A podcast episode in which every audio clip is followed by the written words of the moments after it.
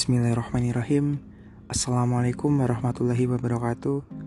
Alhamdulillah Pertama-tama marilah kita panjatkan rasa puji dan syukur kita Atas kehadirat Allah subhanahu wa ta'ala Yang karena rahmat serta hidayahnya Kita masih diberi kesempatan Kita masih diberi kesehatan Untuk terus belajar mengenai agama Islam. Kedua kalinya salawat serta salam Semoga tetap tercurah limpahkan Kepada Nabi Muhammad SAW Yang telah membawa kita dari zaman kegelapan menuju zaman yang terang benderang yakni agama Islam. Alhamdulillah di podcast episode 75 ini kita akan kembali berkisah dengan kisah-kisah islami di masa lalu dan untuk kisah kali ini berjudul Adakah yang mau mengambil pelajaran? Dikisahkan Tuan Fulan meminjam uang dari Haji Ibrahim dengan janji akan mengembalikannya akhir tahun depan. Ia menulis jumlah pinjaman tersebut dalam daftar hutang. Tuan Fulan mengucapkan terima kasih dan meminta agar dibuatkan surat perjanjian. Akan tetapi, Haji Ibrahim yang soleh itu menolaknya seraya berkata, Tidak perlu berterima kasih. Ini sudah menjadi kewajiban saya. Di antara saya dan Anda, ada Allah sebagai saksi. Allah lah sebaik-baik penolong dan saksi. Setelah lebih kurang setahun berlalu, Haji Ibrahim meninggal dunia karena serangan jantung. Ia meninggalkan seorang istri dan empat orang anak. Yang paling besar, anak laki-laki berusia 13 tahun. Istri Haji Ibrahim menunjukkan daftar pinjaman yang disimpan suaminya dan beberapa catatan perdagangan. Dari catatan-catatan itu, istrinya mengetahui bahwa suaminya memiliki beberapa piutang kepada beberapa orang. Maka ia mengutus seseorang untuk menemui Tuan Fulan, meminta agar segera membayar hutangnya. Akan tetapi, Tuan Fulan mengingkari kalau ia telah berhutang kepada almarhum Haji Ibrahim. Ia menyatakan bahwa ia telah membayarnya kepada suaminya. Banyak orang telah mendengar masalah ini. Mereka pun menjadi terpecah kepada dua kelompok. Satu kelompok mendukung ahli waris Haji Ibrahim. Mereka mengatakan bahwa Haji Ibrahim seorang yang soleh. Ia memberikan pinjaman kepada Tuan Fulan tanpa surat perjanjian.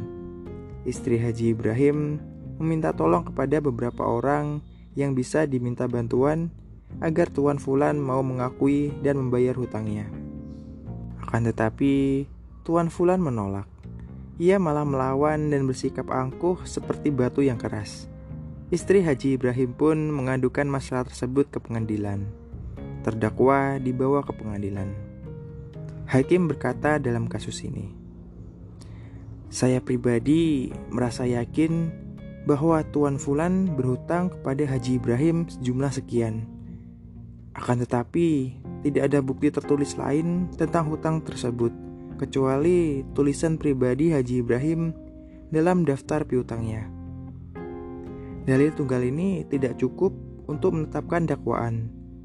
Tuan Fulan menyatakan bahwa ia telah mengembalikan pinjaman tersebut kepada almarhum Haji Ibrahim setelah setahun dari tanggal peminjaman. Seseorang memberikan kesaksian bahwa ia mendengar Tuan Fulan memuji Haji Ibrahim dengan menyebutkan bahwa almarhum Haji Ibrahimlah yang telah menyelamatkannya dari kemiskinan dengan meminjamkan uang karena Allah.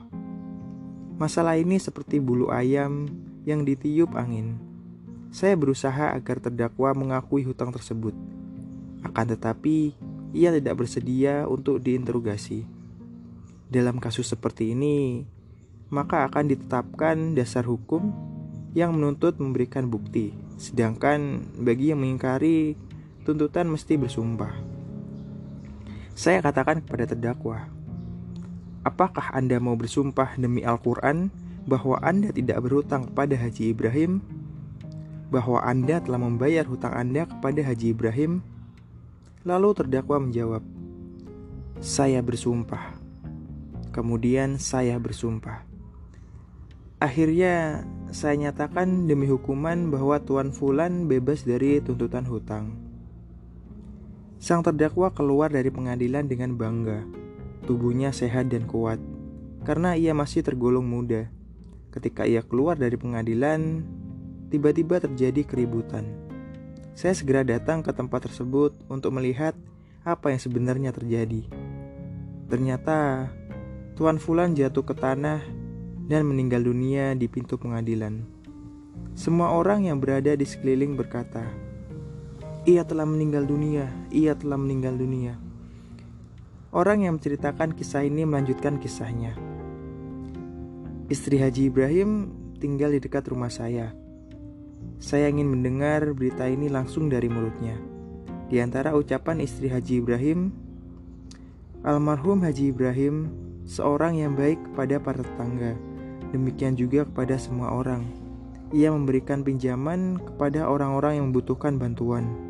Akan tetapi, ia tidak menuliskan pinjaman tersebut dalam surat perjanjian khusus. Saya pernah mengecam perbuatannya itu. Akan tetapi ia menjawab, "Harta itu milik Allah. Dulu saya miskin, kemudian Allah membuat saya mampu." Pengadilan menetapkan bahwa Tuan Fulan tidak berhutang. Ketika ia bersumpah, tubuh saya merinding. Saya yakin bahwa ia telah berdusta. Ia telah berani bersumpah demi Al-Quran. Saya memohon kepada Allah, Ya Allah, Engkau maha mengetahui segala rahasia dan apa yang tersembunyi. Sesungguhnya Engkau maha mengetahui segala yang goib. Ya Allah, jika Tuan Fulan berdusta dalam sumpahnya, maka jadilah ia sebagai pelajaran bagi orang banyak. Wahai engkau yang maha kuat dan maha kuasa. Ketika Tuan Fulan keluar dari ruang pengadilan, saya tidak sempat melihatnya. Tiba-tiba ia jatuh dan mati di depan pintu pengadilan. Tuan Fulan selamat dari hukum kami, akan tetapi ia tidak selamat dari hakim langit dan bumi. Pada suatu malam di musim dingin, ketika semua orang berada di dalam rumah, pada tengah malam, bel rumah Haji Ibrahim berbunyi. Di depan pintu rumah, ada seorang perempuan berkerudung hitam membawa seorang anak laki-laki berusia enam tahun. Istri almarhum Haji Ibrahim membukakan pintu untuk melihat siapa yang mengetuk pintu. Ternyata yang mengetuk pintu adalah istri almarhum Tuan Fulan dan anak tunggalnya. Istri almarhum Tuan Fulan berkata kepada istri almarhum Haji Ibrahim, Suami saya mengingkari bahwa ia punya hutang kepada almarhum Haji Ibrahim. Saya tahu bahwa ia berdusta. Saya telah meminta kepadanya agar membayar hutangnya. Saya mendesaknya, akan tetapi ia tetap dalam kesesatannya. Padahal suami saya membeli seekor anjing dengan harga yang mahal ini hutang suami saya kepada almarhum suami Anda. Istri almarhum Tuan Fulan menyerahkan sejumlah uang kepada istri almarhum Haji Ibrahim, kemudian ia pergi. Kisah ini menjadi sebuah pelajaran. Adakah yang mau mengambil pelajaran?